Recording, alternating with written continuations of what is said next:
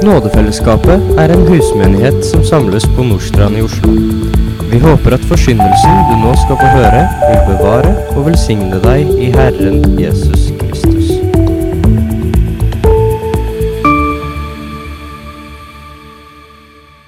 I dag så er det en, eh, si, det en utfordrende tekst, og det er en, kanskje en litt sånn provokativ overskrift også, som jeg har satt. Jeg har sagt uh, 'Grensen for Guds nåde'. Og Vi omtaler jo gjerne at den er grenseløs. Hva er det jeg mener? Så la oss lese i Jesu navn fra Matteus 12. Deretter førte de til ham en besatt som var blind og stum.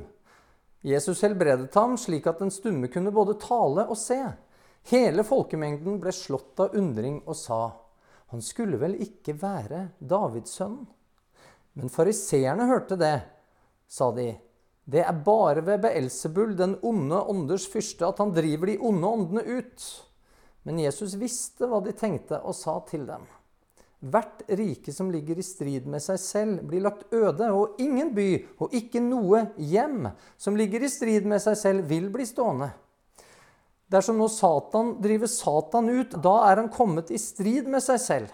Hvordan kan da riket hans bli stående? Og dersom det nå er ved Beelsebuls hjelp jeg driver de onde åndene ut, ved hvem er det da deres egne sønner driver dem ut? Derfor skal de dømme dere.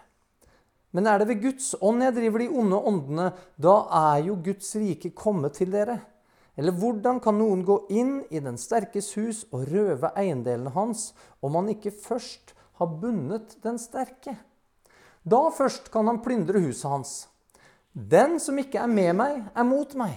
Og den som ikke samler med meg, han sprer.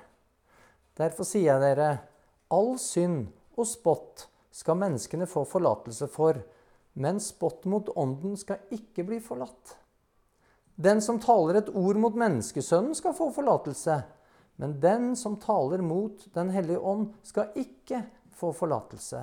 Verken i denne tidsalder eller i den som kommer. Herre, nå ber vi deg om at uh, din vilje også får skje gjennom disse ordene som nå skal sies. At det er ditt ord som blir forkynt, at det blir klart og tydelig for oss. Herre, vis oss din nåde, og vis oss det som denne teksten ønsker å formidle til oss i Jesu navn. Amen. Som vi har snakka om tidligere, så vitner altså kapittel 12 om jødenes avvisning av Jesus. Og slik sett så er dagens tekst på mange måter et sånt klimaks. Det er et sterkt vitnesbyrd for alle som leser dette og lever i dag alle vi som altså kan nå se tilbake på historien og begynne å se hva denne avvisningen av Jesus fikk for konsekvenser. Og Samtidig så er det altså i lys av den voksende antisemittismen som vi ser rundt oss i dag, så er det viktig for meg å begynne denne talen Og når vi nå har snakka om jødenes avvisning flere søndager, så er det viktig for meg å begynne også å peke på noe annet. Vi har på en måte ikke tid til det i dag, men jeg føler likevel vi må, vi må gjøre det. Det finnes de som altså har latt jødenes avvisning få lov til å skape en stolthet i sitt eget hjerte. Som har sett på seg selv som bedre. Og så har de altså latt jødene skulle betale for denne avvisningen. Og da har man altså åpenbart glemt at dommen hører Herren til. Og som har latt egen ondskap velle ut. Det er mennesker som har latt dette få lov til å påvirke sin teologi. Og derfor sier jeg at kirka har nå erstatta Israel. At kirken har overtatt alle løftene som Gud spesifikt har gitt til Israel. Mennesker som glemmer hva Gud sier i Jeremia 31, fra vers 35. Så sier Herren, som satte solen til å lyse om dagen, og lover for månen og stjernene, så de lyser om natten. Han som opprører havet så dets bølger bruser. Herren herskarenes Gud er hans navn. Dersom disse lovene ikke lenger står ved makt for mitt åsyn, sier Herren, da skal også Israels ett opphøre å være et folk for mitt åsyn. Alle dager. Så sier Herren, dersom himmelen kan måles der oppe og jordens grunnvoller utforskes der nede, da vil også jeg forkaste hele Israels ett for alt det de har gjort. sier Herren. Det finnes mennesker som kaller seg kristne, som sier at dagens Israel er nærmest fra Satan. Men Gud han lover derimot at han skal altså bevare helt spesifikt dette folket så lenge naturlovene består. Altså alle dager. Ja, Så lenge solen lyser om dagen og månen og stjernene lyser om natten. Og så knytter han det plutselig opp og begynner å snakke om bølgene. Og det handler jo om månen, vet vi, ut ifra gravitasjonskraft. Det er neppe tilfeldig. Så fortsetter Gud å vise sin allmakt ved å begynne å utfordre deg og meg. For han sier at løftene til Israel kan brytes dersom vi makter å måle universet der ute. Eller vi klarer å utforske jordens indre der nede.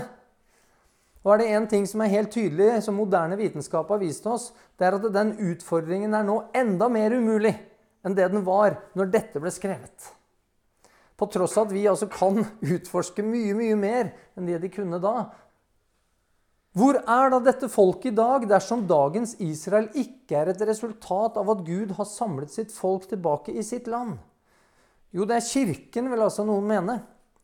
Men da glemmer de med vilje det som Paulus skriver til romerne i kapittel 11, vers 1 og 2. Jeg sier altså, har da Gud forkastet sitt folk? Langt derifra. Også jeg er jo en israelitt av Abrahams ett av Benjamins stamme. Gud har ikke forkastet sitt folk, sier Paulus. Nei, folket består den dag i dag på tross av deres avvisning. Og på tross av deres onde gjerninger. Så fortsetter Paulus å skrive. På samme vis er det også i den tiden som nå er blitt igjen en rest i kraft av Guds nådes utvelgelse. Jødene hadde avvist Gud flere ganger opp gjennom historien. Men det, helt fram til Paulus sin tid så var det blitt igjen en rest. Og det var pga. Guds nåde, ikke fordi at folket fortjente det. Men er det av nåde, da er det ikke mer av gjerninger. Ellers blir nåden ikke lenger nåde. Og Dette her knytter seg så sterkt fast til det vi skal snakke om i dag. Gud har latt det være igjen noen sanne troende jøder, sier Paulus. En rest som han selv var en del av. Og også fram til vår tid så er en liten rest blitt bevart. Og Det er altså Guds nåde på nøyaktig samme vis som det er Guds nåde at du kan få være Guds barn og få lov til å kalle deg kristen.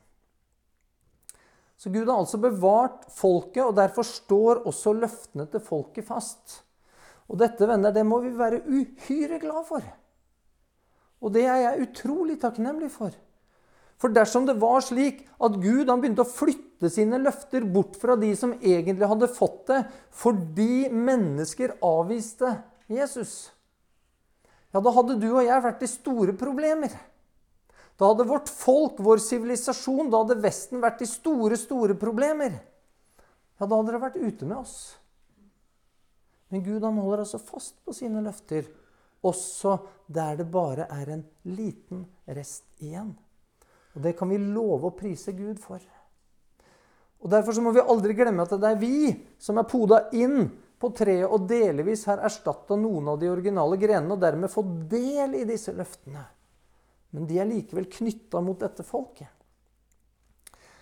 La oss derfor altså ikke bli håmodige når vi nå leser uke etter uke om jødenes avvisning av Jesus.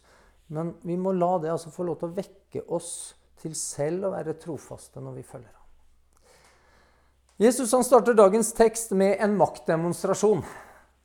Han skaper bevis for at han er den han sier han er. Han helbreder en mann som er besatt, og han er stum og han er blind samtidig. Og At han var stum, kan også kanskje bety at han rett og slett var døv. Han hadde ikke mulighet til å lære seg språk, og derfor så var han også stum. Det vet vi ikke helt. Men det vil i så fall bety at denne mannen hadde altså minimale muligheter for å lære noen ting. Han hadde minimale muligheter for å kommunisere. Om han alltid hadde vært slik, eller om dette hadde skjedd senere i livet, det sier heller ikke Bibelen noen ting om. Så vi vet ikke når han ble blind og stum. Uansett så ville mannen her, som blir poenget i denne teksten, han ville teologisk på denne tiden bli sett på som straffa av Gud og at han nærmest var overgitt til Satans rike. Og Matteus han beskriver ikke denne her helbredelsen med noen fanfare. Han skriver altså usedvanlig nøkternt, hvis du begynner å tenke på det. For hva er det han sier? Han skriver 'Jesus helbredet han, slik at den stumme kunne både tale og se'. Det er, det er nøkternt, det. Ingen fanfare. Men det er jo fantastisk, det som skjedde her. Det er en demonbesatt mann som verken kan se eller tale, som blir altså satt fri. Og han klarer altså å se og forstå det han ser, og tale helt umiddelbart. Og igjen så beviser det at Jesus er en herre over det åndelige, over naturen. Men ut ifra altså hvordan Matteus beskriver dette, og hvordan altså mange andre i evangeliene beskriver disse tingene, så forstår vi at dette her var dagligdags, nærmest. Jesus hadde gjort dette hundrevis, ja kanskje mest sannsynlig tusenvis av ganger tidligere. Det var på en måte ikke spesielt på den måten. Og likevel så er det ikke tilfeldig at det skjer akkurat her. Hele folkemengden ble slått av undring og sa han skulle vel ikke være Davids sønn. Hele folkemengden ble slått av undring, alle som så det, og det skulle jo egentlig bare mangle. Det som skjedde, var fantastisk, på tross av at eh, altså, Matteus er veldig nøktern i sin framstilling. Og det ville jo faktisk vært like fantastisk i dag. Vet ikke om du har tenkt på det, men om legestanden skulle klare å gjøre noen som er født blinde, og la de få synet fullstendig igjen, eller noen døve til å høre fullstendig igjen, så ville de likevel aldri klare å gjøre det slik at en som aldri hadde snakka, plutselig kunne prate helt reint umiddelbart. Nei, det ville krevd lang opptrening. Og vi ville heller aldri klare å sette besatte mennesker i frihet ved menneskers kraft. Verken ved legebehandling, medikamentbehandling, psykologi eller psykiatri. Dessverre så er det slik i våre dager at også disse menneskelige vitenskapene har forlatt Gud. Og den åndelige virkelighet benekter de på mange måter. Og da er det dessverre slik at vi kanskje kan begynne å forvente at den behandling som foreskrives på noen områder her, vil virke stadig dårligere. Ja, til og med kan det faktisk bli en fare for liv og helse hvis dette får lov til å utvikle seg videre. På noen områder, da. Verdt å understreke. Folket så altså Jesu mirakel her og var fra seg av undring. Altså Ordene som er brukt her, det er at de er, altså, ah, de er satt helt ut, altså. Og Så begynte de å undre seg på om ikke denne Jesus var den lovede Messias, Davids sønn. Og så sitter altså folk her og lurer ja, kan Jesus være Messias. Men det burde faktisk venner, ikke være noen tvil. I hvert fall hvis de hadde nok informasjon. Det burde ikke være noe tvil. For Jesus hadde allerede på dette tidspunktet oppfylt veldig mange av profetiene. Profetier som skjedde før han til og med ble født, mens han var et lite barn, som han overhodet ikke kunne ha påvirket selv. Hans fødsel i Betlehem, hans avstamming fra Juda, at han var fra Davids ett, hans opphold i Egypt er eksempler på dette. Massakren av barn rundt hans fødsel, som var profetert om. At han skulle ha en forløper til å berede hans vei, som ble Johannes døperen. Og at han skulle kalles Guds sønn. Alle disse tingene var allerede oppfylt. Og jeg har nevnt åtte stykker her, og det er en grunn til det. Så kommer Jesu under på toppen av dette. Og sannsynligheten er jo regna ut. Det er noen som har regna ut det. For at Jesus tilfeldigvis skulle kunne altså oppfylle kun åtte slike profetier som jeg nå har pekt på, det ville være det samme som én i ti opphøyd i 17. Og dette er sånne type tall som vi ikke vi, vi, det, blir bare, Vi klarer ikke å, å, å forestille oss det. Men jeg skal prøve å illustrere det med litt mer hjemlige forhold. Hvis du altså tok 10 opphøyd i 17 ganger med 20-kronersmynter Da kunne vi ha lagt de slik at de dekka hver eneste kvadratcentimeter av hele Fastlands-Norge. Det er jo en del. Men det er langt fra nok. Vi måtte ha stabla 540 stykker oppå hverandre til en dybde altså 120 cm med 20-kronersmynter over absolutt hele Norge for å få det tallet. Og La oss si at vi tok én av de myntene og så merka vi den. Og så la vi den på en tilfeldig plass, og så lot vi en mann med bind for øynene vasse gjennom Norges land akkurat så lenge han ville, og orka og gadd. Og så skulle han da, uten å kunne kjenne forskjell på den mynten fra alle de andre, og ikke kunne se, så skulle han velge en eller annen mynt. Og sjansen for at han valgte akkurat den mynten, er sannsynligheten for at Jesus skulle ha oppfylt disse åtte profetiene. Men Jesus han oppfylte oppimot 300 profetier fra Det gamle testamentet i hans første komme. De menneskene som opplevde dette underet fra Jesus, hadde altså allerede svært god grunn for å tro på det Jesus sa og lærte. Men da fariseerne hørte det, altså at folket lurte på om Jesus var Messias, sa de det er bare ved Beelsebull, de onde ånders fyrste, at han driver de onde åndene ut. De fleste mennesker de tror om seg selv at dersom de bare får bevis, så vil de tro på noe. Bare de kan se eller oppleve noe selv, oppleve det personlig, så vil de gå god for at noe kan være sant. Men slik er det faktisk ikke. Du må aldri lure deg selv til å tro at det er slik heller. Du må aldri begynne å si at 'hadde jeg bare sett det Jesus gjorde', 'hadde jeg bare hørt', 'hadde jeg opplevd oppstandelsen fra de døde', og alt dette her, så hadde det jo ikke vært noe problem. Mennesker har en egen, spesiell evne til å undertrykke sannhet.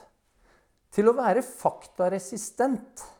Til å finne alle mulige grunner, alt fra gode til de mest latterlige grunner, for å la være å godta ting som er helt åpenbar sann. Og til å finne unnskyldninger for å la være å måtte forholde seg til den kunnskapen man faktisk har fått også. Har man først fått en overbevisning, så er det altså veldig veldig vanskelig for noen av oss å endre mening. Og det trenger ikke å være viktige ting engang. Og hvis du altså har satt din ære i det, du har begynt å undervise andre om det, eller du har bygga ditt eget liv på det, så vil det være så godt som umulig å endre, få slike til å endre oppfatning. Og dersom man i tillegg ikke liker et menneske da, som kommer og forteller deg at du har feil, ja, da kan du bare tenke deg sjøl. De fleste vil heller dø enn å gi vedkommende rett. Ja, så stolte er vi mennesker. Vi er uhelbredelig stolte. Og derfor så trenger vi faktisk hjelp. Vi trenger hjelp. Og Jesus han visste dette. Og Derfor så underviser han veldig tydelig om at bevis det hjelper ikke isolert sett. En må først godta en virkelighetsforståelse og et vitnesbyrd som bare kan tros.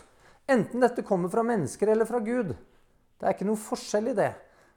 Og det er jo helt uavhengig om det gjelder kristen tro eller all annen type forståelse av virkeligheten eller alle andre former for tro. Historien i dag vitner om alt dette her. Og hele Bibelen samstemmer i at mennesker trenger hjelp fra Gud for å være villig til å gi slipp på sin stolthet. Gi slipp på det hatet de har mot sin skaper. Hjelp til å se sin egen fattigdom og behovet for frelse. Og Likevel så er alvoret det at Gud han holder deg og meg ansvarlig for hvordan vi forholder oss til de enorme mengder med bevis som Gud har gitt oss både gjennom skaperverket, gjennom samvittigheten, gjennom sin lov og sin åpenbaring, spesielt altså i form av Jesus Kristus og hans død og oppstandelse. Og det siste der, det regnes av Gud som fullgodt bevis. Det er Bibelen veldig tydelig på. Det er et fullgodt bevis. Når fariseerne begynte å høre at folket begynte å komme til altså den eneste logiske konklusjonen om hvem Jesus var, bare tenk, Hvilken annen konklusjon skulle de komme til? Hele troa deres var sentrert rundt om at det skulle komme en som han. Alle profetiene vitner om det. Og så kommer Jesus og står fram. Hva er det eneste logiske å konkludere med? Jo da, folket begynner å tenke rasjonelt og logisk. Og så er det akkurat her vi ser hvor ekstreme hvor irrasjonelle og hvor ulogiske mennesker er villige til å bli for å fastholde sin egen selvrettferdighet og sitt hat. Det er skremmende, venner. Jeg er ikke annerledes. Folket måtte for all del ikke begynne å tro på Jesus. Og dette venner, er ikke bare noe som skjedde den gang. Det er akkurat like sterke krefter i dag.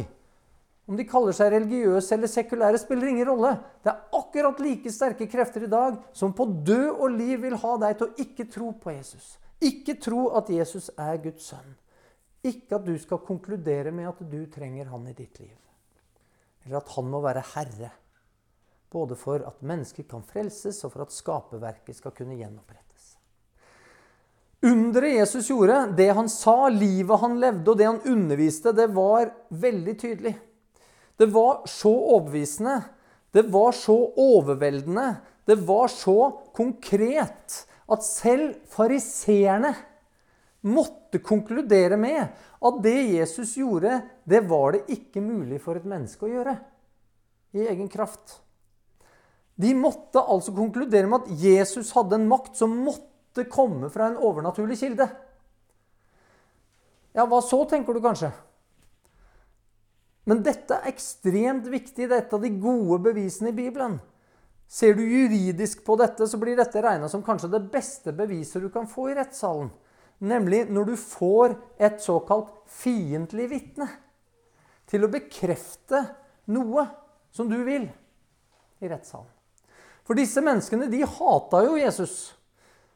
En mann som altså avslørte deres hykleri, trampa på deres kjære menneskelige tradisjoner og lære, fornærmet dem offentlig og erklærte at de ville få en streng dom. Og når slike mennesker, som mer enn noe annet ønsker å se at Jesus feila, som gjerne ville ha gravd opp all mulig dritt om Jesus, ja, som gladelig ville lyve om han, når slike mennesker her og andre steder i Bibelen blir vitner som forteller oss at Jesus ikke drev med falske helbredelser, ikke hadde menneskelige skandaler de kunne avsløre, ikke klarte å vitne om noe ondt som Jesus noen gang hadde gjort. Og når slike altså fiendtlige vitnesbyrd kommer i tillegg til alle de andre vitnesbyrdene fra andre mennesker som levde tett på Jesus, tett sammen med Jesus over lang tid, som kjente han, jo, da har vi altså å gjøre med fantastiske bevis. Fantastiske bevis. Fariseerne så at folket holdt på å se at Jesus var Messias, og vet du hva? De fikk panikk.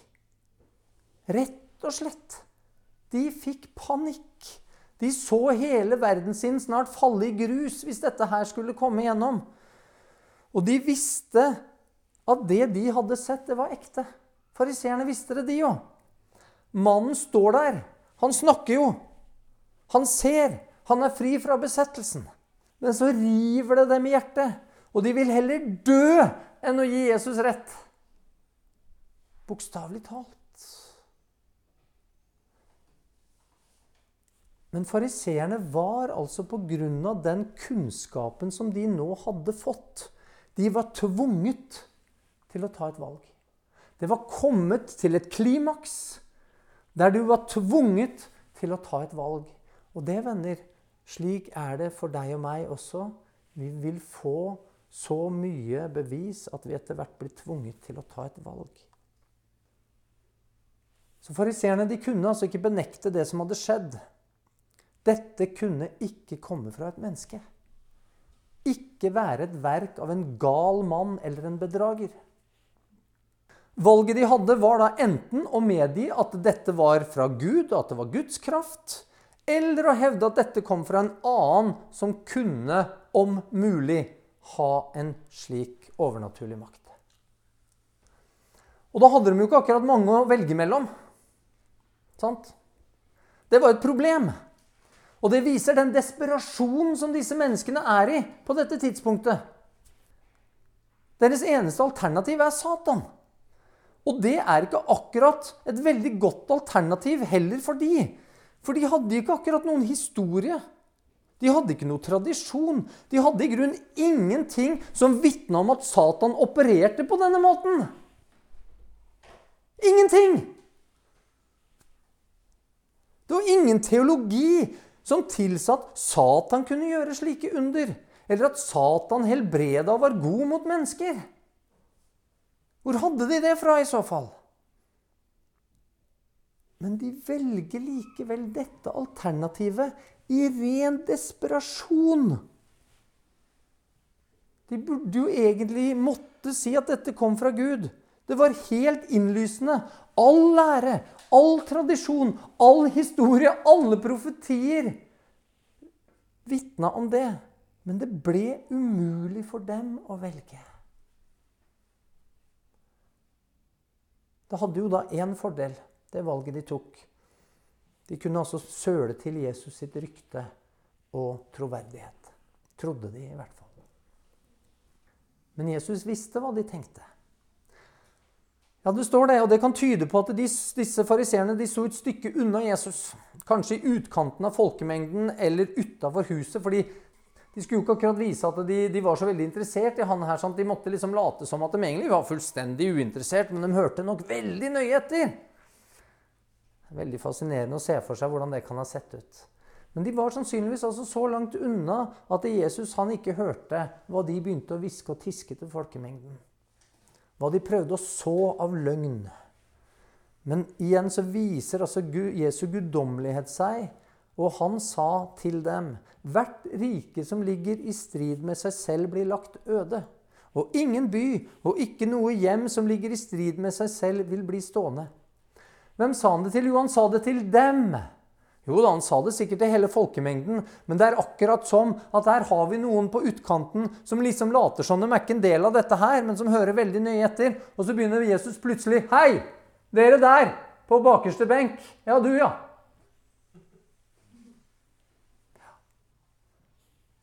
Desperasjonen til fariseerne var så stor at de tyr til en beskyldning som er fullstendig irrasjonell og ulogisk. Og Jesus han begynner umiddelbart å avsløre det. De har gitt Jesus masse ammunisjon her, egentlig. Uten at de gjerne ville det. Et rike som kommer i strid med seg selv, vil falle. Dette her skjønner vi. Et hjem der de strider mot hverandre, det vil åpenbart slutte å være et hjem. Hvor lang tid det kan ta, kan sikkert variere.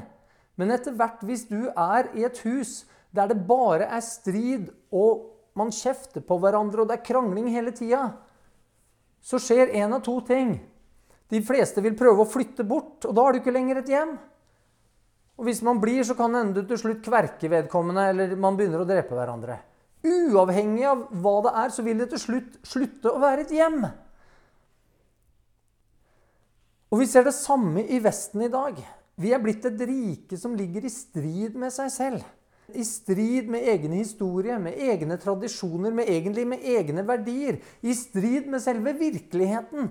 Og dette gir seg altså utslag i strid mellom kjønn, strid mellom grupper, strid helt ned til altså det mest grunnleggende i et menneskes identitet.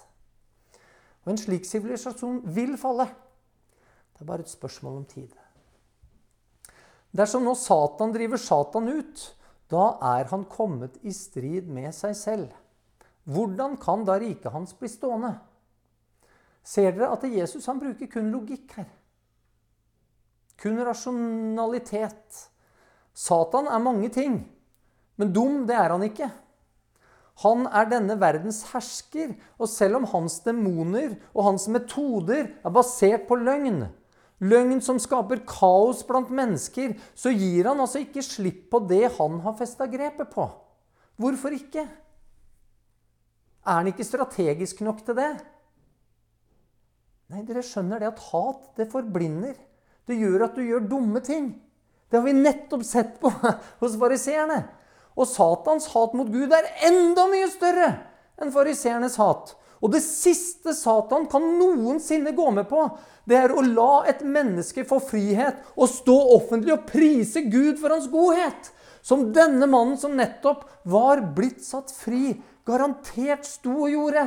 Det første han sikkert sa etter han var slutta å være stum, var 'Pris Gud! Takk, Jesus!' Jeg kan love deg, det lar ikke Satan skje av egen fri vilje, venner.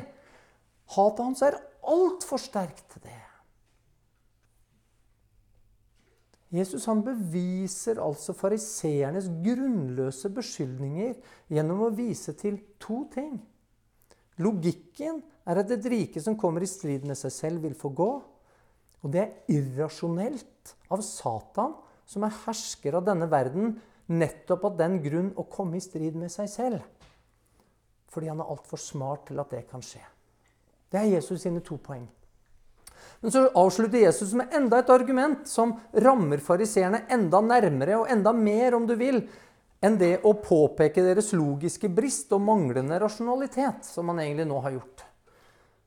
Og dersom det nå er ved Beelsebuls hjelp jeg driver de onde åndene ut, ved hvem er det da deres egne sønner driver dem ut? Han begynner å stille et retorisk spørsmål. Spørsmålet er fint. Og Her blir det tydelig at også fariseernes sønner, som er et uttrykk altså for deres etterfølgere, deres disipler, de hevda også at de drev ut onde ånder og frigjorde også besatte mennesker. Og Den jødiske historikeren Josefus han beskriver dette, og han forteller at de brukte mange mystiske besvergelser og, og okkulte formuleringer i sine sånne typer ritualer. I Det nye testamentet så hører vi om den jødiske ypperstepresten Skevas. Han hadde sju sønner. Og de drev med åndemaning eller med sånn utdrivelse. da. Og Pga. at de så at Paulus og andre kristne de lykkes så stort med å drive ut onde ånder i Jesu navn, så tenkte de at ja, nei, det er en formel vi òg vil prøve. Det er en fin greie. Vi putter det inn i våre besvergelser. Putter litt Jesuspott på toppen her, krydrer med litt Jesus. Det er det mange som gjør i dag òg, gitt. Men det var en dårlig idé den gang, og det er en like dårlig idé i dag. Og det, Hvor dårlig den ideen var, det kan vi lese om i Apostelens gjerninger 19, vers 15 og 16. Men den onde ånden svarte dem, 'Jesus kjenner jeg.' Og Paulus vet jeg om. Men dere, hvem er dere? Og mannen som den onde ånden var i, for løs på dem og overvant dem alle og fikk makt over dem. Altså, han grisebanka de, kunne vi sagt på godt norsk. Og de måtte flykte nakne og såra ut av huset. Da, da er du grisebanka, da. Dårlig idé. Om fariseernes disipler faktisk klarte å drive ut onde ånder, står det ikke noe om. Men poenget til Jesus er ikke avhengig av akkurat det. Det er at når de hevdet at de gjorde dette, ved hvilken kraft gjorde de det? Det sier seg selv dette ble umulig for fariseerne å svare på.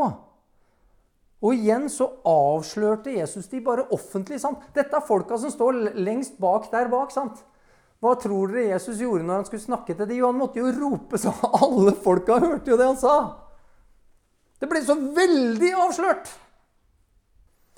Og fordi fariseerne nå er spilt sjakk-matt, så konkluderer Jesus selv, for nå var de blitt stille.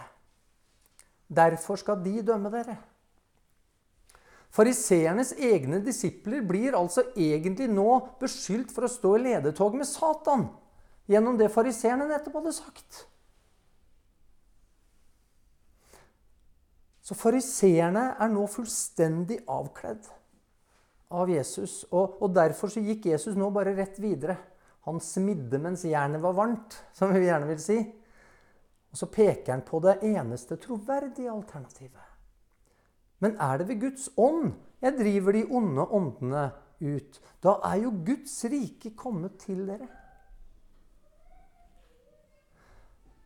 Satan er herskeren av denne jorda. Det er Bibelen veldig tydelig på. Men dersom Jesus kunne sette mennesker fri fra Satans makt, så måtte det bety at et annet rike var kommet. En annen hersker var kommet. En annen som altså kunne stå midt i Satans rike og likevel ha autoritet. Og Logikkene i dette det spinner Jesus videre på og sier Eller hvordan kan noen gå inn i den sterkes hus og røve eiendelene hans om han ikke først har bundet den sterke? Da først kan han plyndre huset hans. Mannen Jesus helbredet blir her beskrevet som tilhørende den sterke, altså Satan. Det var det vi så på. Det var det teologien på den tida også forutsa. Og det stemte altså derfor historisk, eller med den virkelighetsforståelsen disse menneskene hadde. Og så bruker Jesus dette for å fullføre sitt poeng. Dersom altså Jesus satte denne mannen fri fra Satans makt, så måtte det bety at Jesus ikke bare kunne opptre med autoritet midt i Satans rike, men at han altså var sterkere enn Satan. For Satan ville aldri tillatt at dette hadde skjedd. Ser dere logikken bygger seg opp? Men Jesus stopper ikke der. Han utfyller, om du vil, nå teologien og begynner å korrigere den. Og her er det som blir viktig. Så sier han, 'Den som ikke er med meg, er mot meg.' 'Og den som ikke samler med meg, han sprer.' De som sto der tenkte at denne mannen Jesus frigjorde, hadde tilhørt Satan, mens de selv, nei, de var Abrahams barn, barn av løftene som vi har sett på. Guds folk. Det er omtrent akkurat like håndmodig som de som driver med erstatningsteologi. Ja, men Vi har ikke vært så ille. sant? Vi har ikke avvist, og vi har ikke gjort ditt og datt, og, sånn som jødene, og derfor så er vi Guds folk. sant? Mens de ja, Det er akkurat det samme. Så begynner Jesus å korrigere denne tanken, og det gjør han flere ganger i Bibelen. Og det Jesus sa her, det ramma plutselig nå hele folkemengden. Alle de som sto der. For de kunne ikke lenger nå tenke at det, det var noe spesielt galt med denne mannen som Jesus helbreda. Nei, plutselig så har Jesus vridd hele denne historien til å begynne å gjelde de. For nå var det plutselig slik at de også enten var med han eller mot han. Enten så var de en del av Satans rike eller en del av Jesu rike, altså Guds rike. Venner, dette her er sjokkerende. Dette var ikke veldig hyggelig å høre for de som sto der. Og plutselig bli dratt inn i denne virkeligheten. Og dette budskapet, det er sort-hvitt. Det er et budskap der det ikke finnes rom for gråtoner og mellomposisjoner. Et budskap som også repeteres, og som også nevnes av andre forfattere av Det nye testamentet. Og akkurat det vitner om hvor viktig dette her er å forstå for oss. Jesus han sa f.eks. til jødene som hevdet å ha Abraham til far. Vi er Guds barn. Og så sier Jesus da i Johannes 8,44 til dem at dere har djevelen til far. Og Den samme todelingen den finner vi i 1. Johannesbrev 3,14. Vi vet at vi er gått over fra døden til livet fordi vi elsker brødrene. Den som ikke elsker, blir i døden. Enten er du i livet, eller så er du i døden. Det er ikke noen mellomposisjon her. Og dette todelte budskapet venner, det er akkurat like upopulært i dag som det var når Jesus levde. Vi har lyst til å gjøre dette mer diffust. Vi vil gjerne si at den er inkludert selv om man ikke har kjærlighet til sannheten. Inkludert om man ikke tror på Jesus, ikke lever etter hans ord og bud. At alle til sist egentlig blir frelst. Ja, ja. Altså, bortsett fra slike som den mannen her da, som vi leser om i dag, selvfølgelig, som tilhører Satans rike. Og, og, og, og sånne som Hitler og Stalin og Mao og andre som også selvfølgelig da tilhører Satan. Men, men, men alle andre. Nei, sier Jesus. Det er altså to ting vi må forstå. Guds nåde gjelder alle mennesker. Guds nåde gjelder alle mennesker. Jesus har makt til å frigi hvem som helst fra Satans makt. Men enhver som ikke har skjønn har heller ikke livet. Vi tilhører alle Satans rike, med mindre vi er med Jesus. For som Paulus da skriver til kolosserne Han er den som fridde oss ut av mørkets makt og satte oss over i sin elskede sønns rike. Det er han som gjorde det. Og Dette budskapet går det ikke an å ta feil av, selv om mange altså forsøker å tilsløre det. Og Spørsmålene du da må stille deg, er hvordan kan jeg være med Jesus, ikke mot han? Hvordan kan jeg samle mennesker til han og ikke spre dem bort fra han. Og så er det så lett i møte med slike spørsmål å begynne da å gjøre en sånn innvendig inventaroppregning, gjøre et regnskap over sine gjerninger, se på sitt liv og begynne å evaluere egen egnethet og, og verdighet. Problemet er at om du gjør dette i lys av Guds krav til deg gjennom loven, som folket rundt Jesus i dagens tekst var vel kjent med, og som de gjorde, garantert Om du gjør det i lys av det Jesus underviser, så ville det være umulig å komme til den konklusjonen at den var verdig. Umulig å tenke at den oppfylte disse kravene eller hadde klart å leve etter loven. Umulig og derfor konkluderte med at den tilhørte Jesu rike. Dette gikk kanskje så fort at disse menneskene rekker ikke å, å, å ta med seg alle på en måte tingene. Men vi vi har mulighet til å sitte her og fordype oss i ordet. Sitte og forstå hvilke implikasjoner det er når Jesus sier det han sier. Følge logikken fullt ut. Problemet er at uh, hvis vi gjør det, så er det ingen av oss som er med Jesus. Og Jesus han visste dette. Og han visste at du har akkurat det samme problemet som det de hadde, om du er ærlig med deg selv. Dersom din selvrettferdighet eller stolthet altså ikke står i veien, slik at du på samme måte som fariseerne avviser bevisene, avviser Jesu ord, Guds åpenbaring gjennom naturen eller Bibelen, at du blir ulogisk og irrasjonell Hvis du ikke blir det, så vet du at dine tanker, ord og gjerninger beviser at du lever i Satans rike. Du er bundet av dine begjær, dine løgner, din selvforakt, dine svik, dine fall og din egoisme. Og Derfor så vil ditt liv dømme deg. Og Derfor så kommer altså Jesus her, akkurat her, med et veldig frigjørende budskap. Og Derfor så vil jeg, min venn, at du lytter nå veldig mye til hva han sier til deg i dag. Derfor sier jeg dere All synd og spott skal menneskene få forlatelse for. Hørte du?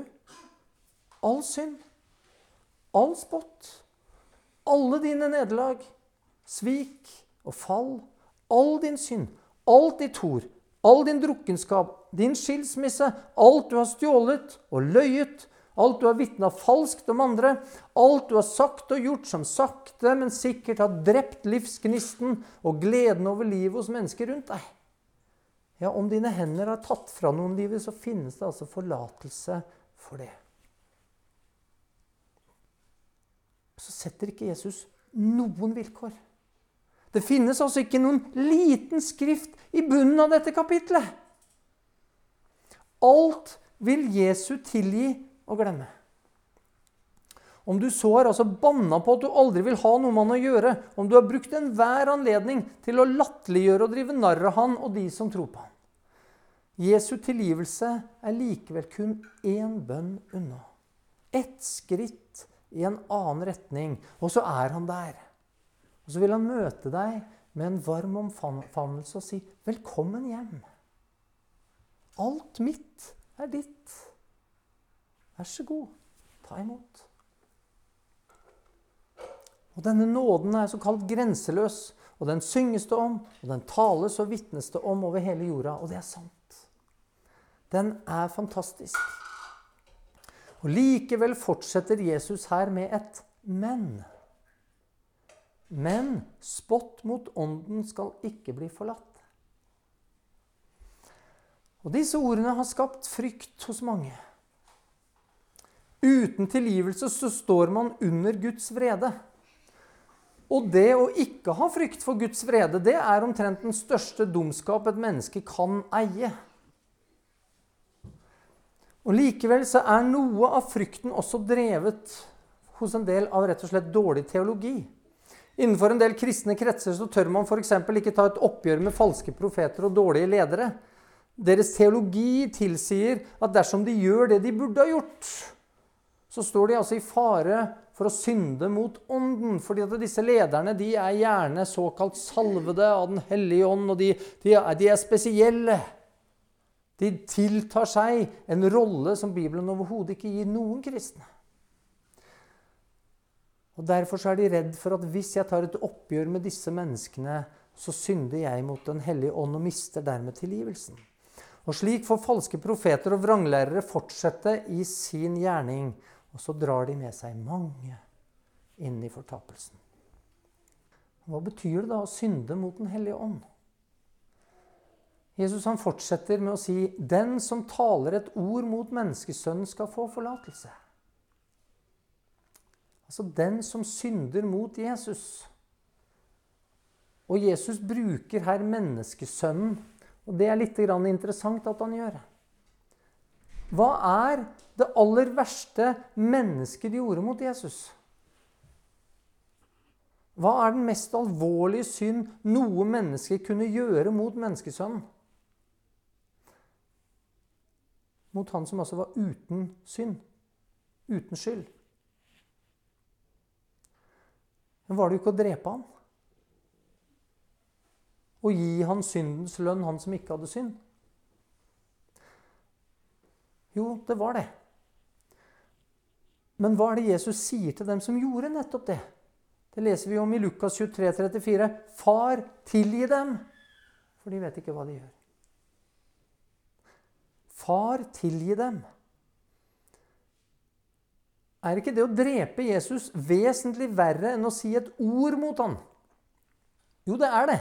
Og Likevel så var det altså tilgivelse å få for dem som drepte Jesus. For den som piska ham, trykka tornekronen ned i hans panne, som spotta og lo av han, som nagla han fast til korset og heiste han opp. Alle de kunne få tilgivelse. De kunne være med han i et nu. Akkurat sånn som røveren på korset, som først spotta, men som like etterpå angra og bekjente at Jesus var uskyldig og som fikk bli med til paradis. Hvorfor finnes en slik tilgivelse? Jo, den kan virke ganske merkelig, nemlig, venner, i lys av det Jesus sier om en annen som hadde med Jesu død å gjøre, som vi leser om i Matteus 26. Menneskesønnen går bort, men det er skrevet om ham. Men ved det mennesket som forråder menneskesønnen, det hadde vært godt for det mennesket om han aldri var født. Jesus taler jo her om Judas Iskariot. Og så blir det veldig tydelig ut fra det Jesus sier, at den handling som Judas gjorde, på en måte blir utilgivelig. På en måte. Slik må det forstås siden Jesus konkluderer med at det hadde vært bedre om han aldri var blitt født. Det hadde vært bedre å aldri ha eksistert fordi fortapelsen er verre. Det er det Jesus egentlig sier. Judas gikk fortapt ved det han gjorde. Ved sin forrådelse. Og igjen så kan vi menneskelig sett nå sitte igjen og lure på hva er det som gjør Judas sine handlinger verre enn disse andre? Så avslører nok Jesus det når han ber for dem som korsfesta ham. De visste ikke hva de gjorde. De visste ikke hva de gjorde. Soldatene de mangla kunnskap. De kjente ikke Skriftene, kjente ikke til profetiene. De hadde neppe fulgt med rundt Jesus rundt i Galilea og, og Judea. De hadde kanskje ikke sett hans mirakler. Kanskje noen. De hadde nok fått med seg likevel hva det dreide seg om, litt sånn grovt sett. De hadde hørt nok til å forstå hvem Jesus hevda å være. Nok til at høvedsmannen og soldatene som sto rundt korset når Jesus døde, sa i sannhet dette var Guds sønn. Men de kjente ikke denne guden. De forsto ikke betydningen av offeret. Og På mange måter så kan du si at de syndet mot Jesus som menneske. Som menneskesønn. Deres ord var mot menneskesønnen, deres handlinger var mot menneskesønnen, og det var det tilgivelse for. Judas visste hva han gjorde. Han hadde sett, han hadde hørt, han forsto, og likevel var hans kjærlighet. På tross av at vi leser om denne konflikten i hans følelsesliv. Primært var altså hans kjærlighet retta mot noe annet. Mot penger, heder og ære. Han tilba seg selv. En kjærlighet mot seg selv og sitt eget, ikke kjærlighet til Jesus. Men hva med Peter, da, tenker noen umiddelbart. Han hadde jo også kunnskap om hvem Jesus var. Han nekta på at han kjente Jesus. Han syndet også mot menneskesønnen i sin svakhet, men Peters kjærlighet var likevel retta mot Jesus. Det blir jo tydeliggjort når Jesus etterpå spør ham tre ganger Peter, elsker du meg? Dersom man har fått kunnskap, men likevel forakter den kunnskapen, da blir det veldig, veldig alvorlig, venner. Alvoret i dette det lærer vi nettopp om litt fra Peter når han sier til Jesus at nei, du må aldri finne på å korsfestes eller dø. Peter hadde ikke forstått hva dette innebar. Han var uvitende. Men da får altså Peter høre 'Vik bak meg, Satan'. Men han ble tilgitt. Han mangla kunnskap. Han hadde ikke forstått. Noen mener Judas sitt forræderi var et forsøk på å tvinge Jesus til å bli den Messias som Judas ville at han skulle være. Judas hadde forstått at Jesus var Messias.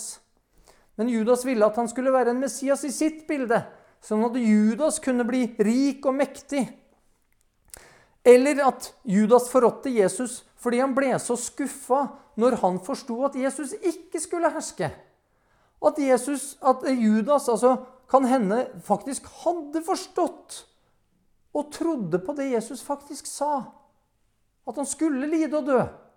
Du vet at disiplene sleit med å tro på akkurat det. Men det kan faktisk ironisk være, mine venner, at Judas faktisk hadde skjønt det. At han trodde det. Og derfor, i lys av denne kunnskapen, forsøkte å karre til seg det han kunne, slik at han i hvert fall kunne sitte igjen med det han elska penger i form av 30 sølvpenger, når alt det han ellers hadde håpa på rundt Jesus, gikk skeis.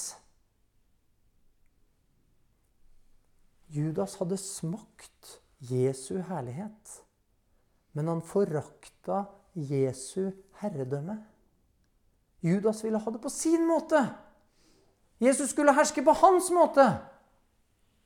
Det er det Peter òg på mange måter hinter litt til, men han hadde ikke forstått da. Og så får han en veldig hard korreksjon av Jesus. Judas han, han hadde skjønt den delen av Jesu liv som gjorde han til Messias. Og hva var det? Jo, Forrige søndag så, så vi nettopp på hva dette var. Og det var at Jesus var salva med Den hellige ånd med Den hellige ånd. Så blir spørsmålet kunne Judas fått tilgivelse for sin handling her, helt isolert sett. Og Det tror jeg jeg må si ja til. Jeg tror at Judas kunne fått tilgivelse for den handlingen hvis den ble gjort i en form av uvitenhet i en form av hans menneskelige svakhet, hvor han trodde at synden gikk utover mennesket Jesus, menneskesønnen. Men Judas han gikk fortapt fordi han hadde kunnskap og forståelse. Men kjærligheten til Jesus uteble likevel. Bakgrunnen for hans gjerning avgjorde dette. Og slik tror jeg dette ble en synd mot Den hellige ånd. På lik linje med altså fariseerne som hadde sett, så måtte de var tvunget til å ta konklusjonen, fordi de hadde sett så mye.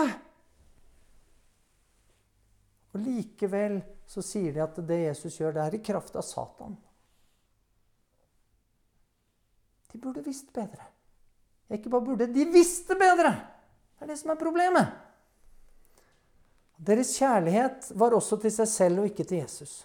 Og da kunne de altså ikke forvente noen tilgivelse fordi deres hjerte var blitt forherdet. På tross av at de hadde kunnskap som manglet altså kjærligheten til sannheten. Men den som taler mot Den hellige ånd, skal ikke få forlatelse. verken i denne tidsalder eller i den som kommer. Og dette er jo selvsagt alvorlige ord, og mest alvorlig for en sivilisasjon, en nasjon og et folk som har kjent sannheten. Som har erfart hvilken velsignelse det har brakt med seg. Som har hatt kunnskapen, men som på nytt har vendt seg bort fra Jesus. Og Det er alvorlig for oss som enkeltmennesker, som uke etter uke sitter under forkynnelse i kirker og i bedehus og stadig får større kunnskap dersom det ikke fører til en omvendelse i våre liv. At vi får kjærlighet til sannheten. Ikke kjærlighet til kunnskapen eller kjærlighet til det sosiale. Kjærlighet til tilhørigheten. Eller kjærlighet til pastoren, Gud forby. Det er kjærlighet til sannheten. Du vil dømmes etter den kunnskapen du har. Den som er mye gitt, vil det kreves mye fra. Og Alvoret det blir ikke mindre av at Jesus erklærer at den forlatelsen den vil utebli både i denne tidsalder og i den som skal komme. Både for tid og for evighet. Det finnes ikke noe ekstra mulighet, venner. Det finnes ikke en sjanse senere. Og Derfor så var det altså bedre for Judas om han aldri hadde blitt født. Når Gud har gitt fullgodt bevis, gitt åpenbaring og kunnskap, gitt sine velsignelser og tålmodig båret over med våre synder, og vi likevel forakter hans herredømme, da må vi jo ikke bli overraska over at vi vil forbli i Satans herredømme. Eller at vi i den tiden som kommer, vil være der hvor denne verdens hersker også er i evigheten. Det er bare like logisk som det Jesus har brukt av logikk og rasjonalitet i dagens tekst. Og om du sier at det er urettferdig, så blir altså spørsmålet til deg hva mer skulle Gud da ha gjort? Bevis har ikke hjulpet. Oppfylte profetier har ikke hjulpet. Skaperverkets eksistens har ikke hjulpet. Jesu liv og seier over døden har ikke hjulpet. Hans godhet og velsignelse har ikke hjulpet. Hans tilbud om tilgivelse for alle synder og innbydelse til sitt rike har ikke hjulpet. Hans strenghet og formaning har ikke hjulpet.